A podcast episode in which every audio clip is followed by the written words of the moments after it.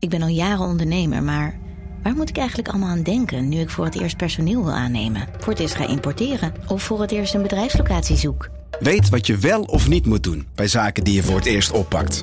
Check kvk.nl voor praktische stappenplannen. KVK, hou vast voor ondernemers.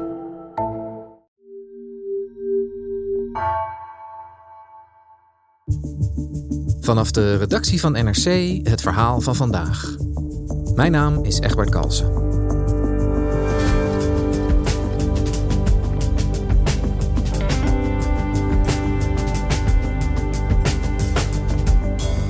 Op social media circuleren talloze filmpjes en foto's waarin wordt beweerd dat Israël in de oorlog met Hamas witte fosfor op burgers gebruikt.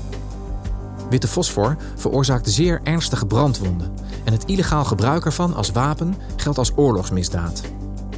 Onderzoeksjournalist Hanneke Chinafo bekeek tientallen filmpjes en foto's met de vraag: gebruikt Israël hier witte fosfor?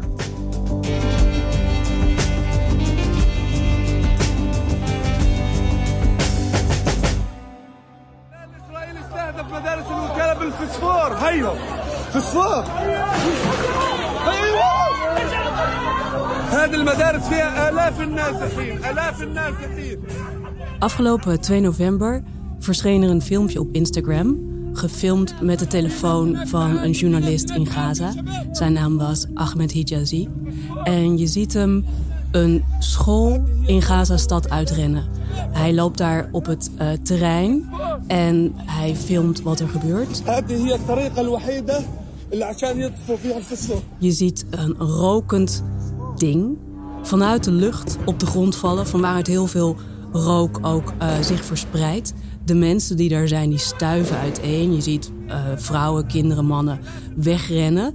En weer andere mannen die snel naar dat rokende ding toe rennen... om er emmers zand op leeg te gieten. En terwijl hij dit allemaal filmt, roept hij...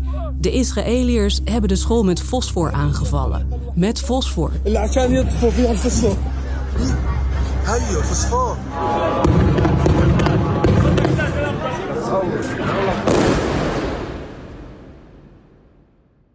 Sinds de oorlog in Gaza begon, uh, loopt het internet over van dit soort filmpjes. Op sociale media, uh, maar ook in uh, gewone media, vooral in de regio, wordt al heel snel geroepen: zie, hier brandt iets, hier vliegt iets. Het is witte fosfor. Israël bestookt Palestijnen met witte fosfor. Deze filmpjes veroorzaken heel veel ophef, omdat witte fosfor verschrikkelijke schade kan aanrichten en verschrikkelijke verwondingen kan aanrichten. Dus mensen denken dus ook heel snel: hier wordt een oorlogsmisdaad begaan. Dit filmpje van deze school ging dan ook meteen viral. Die journalist heeft 2 miljoen volgers. En je ziet nu ook dat het inmiddels 400.000 keer geliked is. Maar vier dagen nadat dit filmpje was verschenen, heeft Instagram het gelabeld, dus er een, uh, een label overheen gedaan, waarop staat onjuiste informatie. Want op dit filmpje was geen witte fosfor te zien. Dat rokende ding was een of ander ander rokend projectiel dat daar op die school geland was. Dit filmpje was nou zo'n voorbeeld waardoor we op de krant dachten: het zou goed zijn als we kunnen onderzoeken wat er nou waar is van wat er allemaal circuleert in media en op sociale media. Want dat het op één zo'n filmpje niet waar is, betekent natuurlijk niet dat het op al die filmpjes niet waar is. Dus dachten we, we gaan met een groep mensen proberen dit soort beelden te verifiëren met behulp van zogeheten OSINT-technieken. Dat staat voor Open Source Intelligence. En het betekent dat je beelden probeert te controleren aan de hand van andere beelden die in het openbaar beschikbaar zijn. Ik deed dat samen met collega's Pauke van den Heuvel, Leon Hof en Georgia Oost. En de vraag die we samen gingen onderzoeken is: zet Israël witte fosfor in in deze oorlog? Ja, Hanneke, die, uh, die OSINT-technologie, daar hoor je steeds meer van. Hè? Steeds meer journalisten zijn daarmee bezig. Uh, in de Oekraïne en, en ook in, uh, in Israël en Gaza wordt er veel gebruik van gemaakt. Hoe zijn jullie te werk gegaan? We hebben foto's verzameld en videobeelden van sociale media waarbij de claim gemaakt werd: hier wordt witte fosfor gebruikt. En andersom, we hebben ook beeld van explosies zelf in algemene zin afgespeurd om te kijken: zien we daar explosies op waarvan wij vermoeden dat ze misschien wel eens witte fosfor zijn? Je ziet ontzettend veel foto's natuurlijk van ontploffingen. Uh, maar witte fosfor is een heel specifiek soort ontploffing. Uh, je ziet een wolkje in de lucht, een wit wolkje, van waaruit rookslierten ontstaan, die heel sierlijk en langzaam naar beneden kruipen. En onderin zie je vaak brandende stukjes. Want even om het te snappen, de fosforbom explodeert dan in de lucht en die deeltjes fosfor die dwarrelen eigenlijk een soort naar beneden. Is dat wat je ziet? Ja, het is meestal een granaat. Die wordt afgeschoten met een uh, kanon. En uit die granaat, als die ontploft, komen deeltjes vilt die in witte fosfor gedrenkt zijn. En die vliegen in brand. En dat dwarrelt naar beneden en veroorzaakt dan die rookslierten. Als die veel deeltjes op de grond landen, ontstaat er al heel snel een dik wit pak rook. Hier spraken we over met Chris Cobb-Smith, een voormalig artillerieofficier uit het Britse leger. En hij is op dit moment onderzoeker oorlogsmisdaden. Hij heeft het zelf in zijn militaire loopbaan gebruikt. So when I was training other artillerymen or infantry in a combat scenario, I would use white phosphorus or have white phosphorus available. So um, you know, it's a tool in your toolbox, if you like. It's a legitimate weapon, but it can be used in an illegal way. Hij legt ons uit dat er zowel een legale manier is om witte fosfor te gebruiken als onwettige manieren. En het voornaamste legale gebruik is om er een rookgordijn mee op te trekken. And the advantage of white phosphorus to a soldier or to someone involved in combat or exercises or training is that the white phosphorus smoke ground produces a very fast, a very quick, a very efficient smoke screen. So you can get out of trouble and it'll obscure their observation onto you. Een ander doel is om er een doelwit mee te markeren. Overdag kan dat met die rook. En s'nachts, als het donker is, kunnen die brandende viltdeeltjes dat doelwit laten oplichten. White phosphorus is also used for illumination. The idea is the white phosphorus extinguishes before it hits the ground.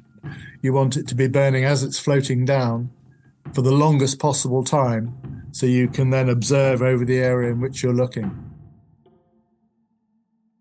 Oké, dus dit is de legale manier eigenlijk van het gebruik van witte fosfor. Hè? Als een soort rookgordijn letterlijk of om iets op te lichten. Maar jij noemde ook een, een illegale manier van fosforgebruik.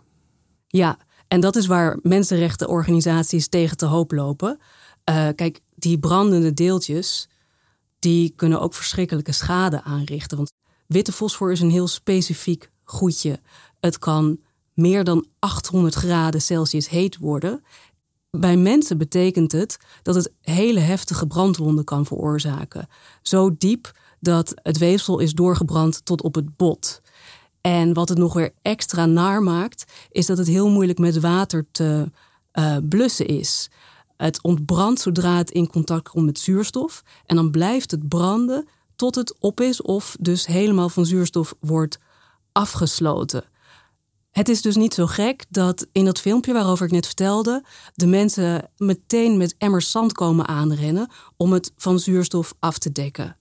Maar zelfs als het een tijdje van zuurstof is afgedekt, leert de ervaring, kan witte fosfor toch weer ontbranden zodra je er weer zuurstof bij laat. I interviewed a doctor that was burnt because he had a patient delivered to the hospital suffering from white phosphorus burns. Meneer Cobb-Smith vertelde bijvoorbeeld dat hij bij eerder onderzoek in Gaza een arts gesproken heeft die een patiënt kreeg met een brandwond, dat die arts dat verband verwijderde, waarna de wond weer begon te branden. When they took the bandages off, the white phosphorus reignited on the patient and burnt the doctor. En dat die arts toen zelf ook gewond is geraakt van de fosfor die daar nog in zat. Ze wisten niet goed waar ze mee te maken hadden. Het veroorzaakt echt verschrikkelijk lijden. Zeker bij onschuldige burgers natuurlijk. En daarom vinden ook heel veel mensenrechtenorganisaties en juristen dat het gebruik van witte fosfor een oorlogsmisdaad is. Nou is natuurlijk de vraag of het dat ook is volgens het internationaal humanitair recht. Er is een verdrag, het conventionele wapenverdrag, waarin regels staan voor het gebruik van zogeheten brandwapens. Dat zijn wapens die bedoeld zijn om brand mee te stichten. Maar er is jarenlang al debat gaande over de vraag of witte fosfor een brandwapen is. Want, zegt dat protocol, een brandwapen is primair ontworpen om brand mee te stichten of om brandschade mee te veroorzaken. En van witte fosfor kun je zeggen: nee, dat is primair ontworpen om een rookgordijn mee op te werpen. Daar kun je dan weer tegen inbrengen. Er ontstaat wel vrij primair brandschade door dat wapen. Uh, het is ernstiger dan je uh, met een rookgordijn alleen zou vermoeden. Maar wat het nog weer anders maakt, is dat Israël dit verdrag niet heeft ondertekend en dus vindt dat het voor hen niet geldt. Dat betekent dan weer niet dat Israël nergens aan gebonden is, want je hebt ook nog het gewoonterecht. Dat schrijft onder andere voor dat je altijd onderscheid moet maken tussen militairen en burgers en dat inzet van militaire middelen altijd proportioneel moet zijn. En laat Israël zich iets gelegen liggen dan aan dat gewoonterecht? We weten in elk geval dat Israël in 2009 in Gaza witte fosfor heeft ingezet. Dat is inmiddels bewezen. En dat Israël destijds eerst lang ontkend heeft. Het is dus niet zo gek dat de inwoners van Gaza nu ook bang zijn voor witte fosfor.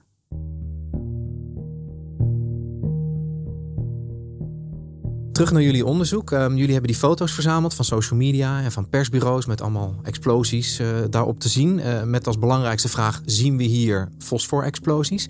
Hoe zijn jullie vervolgens te werk gegaan? Dan is de volgende stap het verifiëren van de foto's. Samengevat, is het waar wat we hier denken te zien? Dus je vraagt je af, kan deze foto ook geconstrueerd zijn, hè? gemaakt met Photoshop of AI bijvoorbeeld? Je wil ook weten, waar is die gemaakt en wanneer? Het verschilt heel erg. Je moet dus kijken welke elementen je herkent op die foto. En of je die dus kunt terugvinden op ander beelden waarvan je al weet dat het echt is. Bijvoorbeeld satellietfoto's hè, of kaarten. Maar we hebben bijvoorbeeld ook een foto onderzocht die met een enorme telelens gemaakt is. Waardoor een heel lange afstand een heel plat vlak is geworden op de foto. En dan blijkt soms dat er heel veel van die afstand is weggevallen op die foto. Dus dat iets wat heel dichtbij lijkt, in werkelijkheid heel ver weg is. En dat je uren naar de verkeerde daken van huis hebt zitten zoeken. En je wil ook weten wanneer die is gemaakt. Nou, bij persbureaus is dat heel duidelijk. Bij uh, zo'n filmpje bijvoorbeeld, als wat we in het begin bespraken ook, hè, want daar stond iemand live te filmen. Maar soms kan het heel ingewikkeld zijn en dan moet je met reverse image search gaan kijken: is deze foto niet al jaren geleden bijvoorbeeld gepost in Syrië? Dus uit die hele berg foto's ga je dan eerst proberen vast te stellen welke zijn er echt. En dan ga je proberen vast te stellen uh, of je kunt achterhalen waar ze vandaan komen. Wat, wat bleef er uiteindelijk over? Wat, wat hebben jullie gevonden? Uiteindelijk was er één foto uit Gaza waarop wij dachten een witte fosforwolk te zien. En die we hebben weten te verifiëren. En drie uit uh, het grensgebied tussen Israël en Libanon. Vervolgens wil je weten, is het ook echt witte fosfor wat we hier zien? Die vraag hebben we voorgelegd aan deskundigen, aan Chris Cobb-Smith, aan de Franse militair consultant Stéphane Audran en aan een wapenexpert van Human Rights Watch, een uh, man die zelf ook oud-militair is. White phosphorus is being used. I'm absolutely certain of it. We can be 100% sure this is white phosphorus. Ze bevestigde dat het bij deze foto's om beelden van witte fosfor gaat. Dus dan weet je dat er witte fosfor is ingezet, maar is daarmee ook de vraag beantwoord of Israël die witte fosfor heeft ingezet? Nee, je moet het doen met wat je ziet en je ziet daar een ontploffing in de lucht. Dus in de situatie waarvan je weet dat die bestaat, kan het in theorie Israël zijn, of Hamas, of Islamitische Jihad die daar ook zit. En als het om de grens gaat, kan het ook Hezbollah zijn. We weten wel een paar dingen, zeg maar een soort circumstantial evidence heb je. We weten dat Israël dit dus eerder gebruikt heeft. We weten ook dat Israël over deze granaten beschikt, ook nu, want er zijn foto's gepubliceerd door internationale persbureaus, waarbij je Israëlische militairen naast granaten ziet staan waar de internationale code voor witte fosfor op staat. En waar ook zo'n howitzer-kanon naast staat waarmee ze worden afgeschoten. Ja, dus, dus Israël heeft ze. Hamas en Hezbollah, hebben die ze ook? Weten we dat ook? Militaire experts hebben nooit eerder gezien dat Hamas of Hezbollah dit middel gebruiken. Stefan Audrang denkt ook dat het onwaarschijnlijk is dat Hamas over dat kanon beschikt waarmee ze worden afgeschoten. En ik kan me daar wel iets bij voorstellen, want het is een enorm ding en dat past niet zomaar door die tunnels van Hamas. As for the Hamas, I doubt that they have really white phosphorus because they are a level below in terms of military apparatus. I have no solid evidence of Hezbollah using uh, white phosphorus. Maar dit betekent natuurlijk ook niet dat we met zekerheid kunnen zeggen dat Israël het afschiet, want we waren er niet bij. We hebben deze vraag natuurlijk wel voorgelegd aan het Israëlische leger aan de hand van onze bevindingen. En zij antwoordden in algemene termen. Ze zeiden: De meeste van onze rookgordijngranaten bevatten geen witte fosfor. We hebben wel rookgordijngranaten met witte fosfor. Die hebben de meeste andere westerse legers trouwens ook. Wij gebruiken ze volgens onze voorschriften. Dat betekent dat we het niet boven dichtbevolkt gebied doen, behalve onder uitzonderlijke omstandigheden. En daarmee voldoen we ruimschoots aan het internationaal recht. Oké, dus ze ontkennen niet dat ze ze gebruikt hebben hè, bij de foto's die jullie ze dan uh, hebben voorgelegd. Uh, maar ze zeggen, als dat zo is, dan is dat alleen in hele bijzondere omstandigheden die passen binnen dat internationaal recht. Wat zouden die omstandigheden dan kunnen zijn? Dat is inderdaad de vraag. Israël heeft in 2013, na een rechtszaak over eerder gebruik van witte fosfor, aangekondigd dit middel voorlopig niet meer te zullen gebruiken, behalve in twee uitzonderlijke situaties. Maar welke dat zijn, dat hebben ze alleen aan de rechter verteld. De rest van de wereld mag dat niet weten. En als je dan die uitspraak uit 2013 legt naast de reactie die ze ons gegeven hebben, dan krijg je de indruk dat ze het hier inderdaad hebben over die uitzonderlijke situaties in Gaza. Maar wat die zijn, daar hebben we werkelijk geen idee van.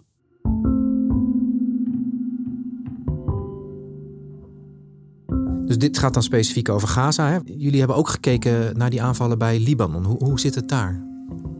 Daarover zeggen experts dat het een heel andere situatie is. En dat het waarschijnlijk inderdaad bedoeld is als een rookgordijn. Je ziet daar open terrein, landbouwgebied, wat verspreide bomen, wel dorpjes, maar die liggen dan net iets verderop. Uh, een enkel huis, geen voertuigen. Dus echt een situatie waarin het uh, minder omstreden is. It could be many things. From a um, military standpoint, they are probably meant to whether to hide a movement from the Israeli forces that are moving along a path, and so they don't want to be seen by uh, people from the Hezbollah, for example, and so they will lay a smoke screen to, uh, or, or, not to be targeted by uh, missiles from the Hezbollah. Op basis van wat jij hebt gezien, hè, van al die data en al die foto's, denk jij nou dat dat, dat zeg maar, informatie is die nog in een rechtszaak ook van pas zou kunnen komen? Ik bedoel, kun je hier iets mee juridisch? Als er inderdaad mensen gewond zijn geraakt door witte fosfor, of er is grote schade door ontstaan, dan kunnen mensen natuurlijk wel iets hebben aan dit soort foto's. En geverifieerde foto's waarop zichtbaar is dat het middel in elk geval is gebruikt. Maar je hebt nog heel veel aanvullend bewijs nodig daarna.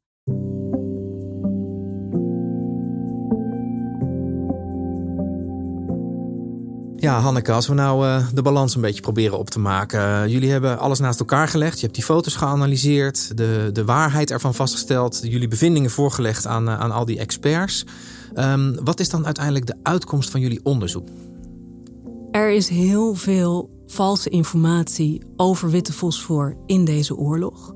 Het merendeel van wat aan je voorbij trekt als je zit scrollen op sociale media, is toch beweringen over witte fosfor die waarschijnlijk niet waar zijn.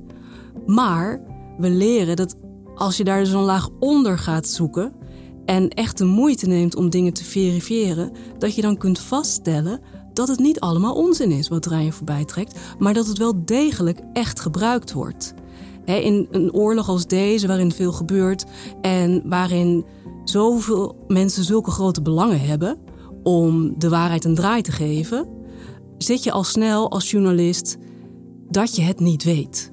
En dat je dan opschrijft: deze informatie is door NRC niet te verifiëren.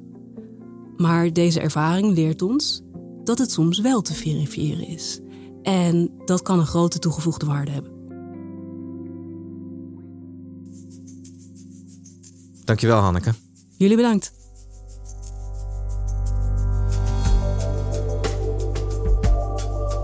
Je luisterde naar vandaag, een podcast van NRC. Eén verhaal, elke dag. Deze aflevering werd gemaakt door Rosa van Toledo en Misha van Waterschoot. Coördinatie Henk Ruigrok van de Werven. Dit was vandaag, morgen weer.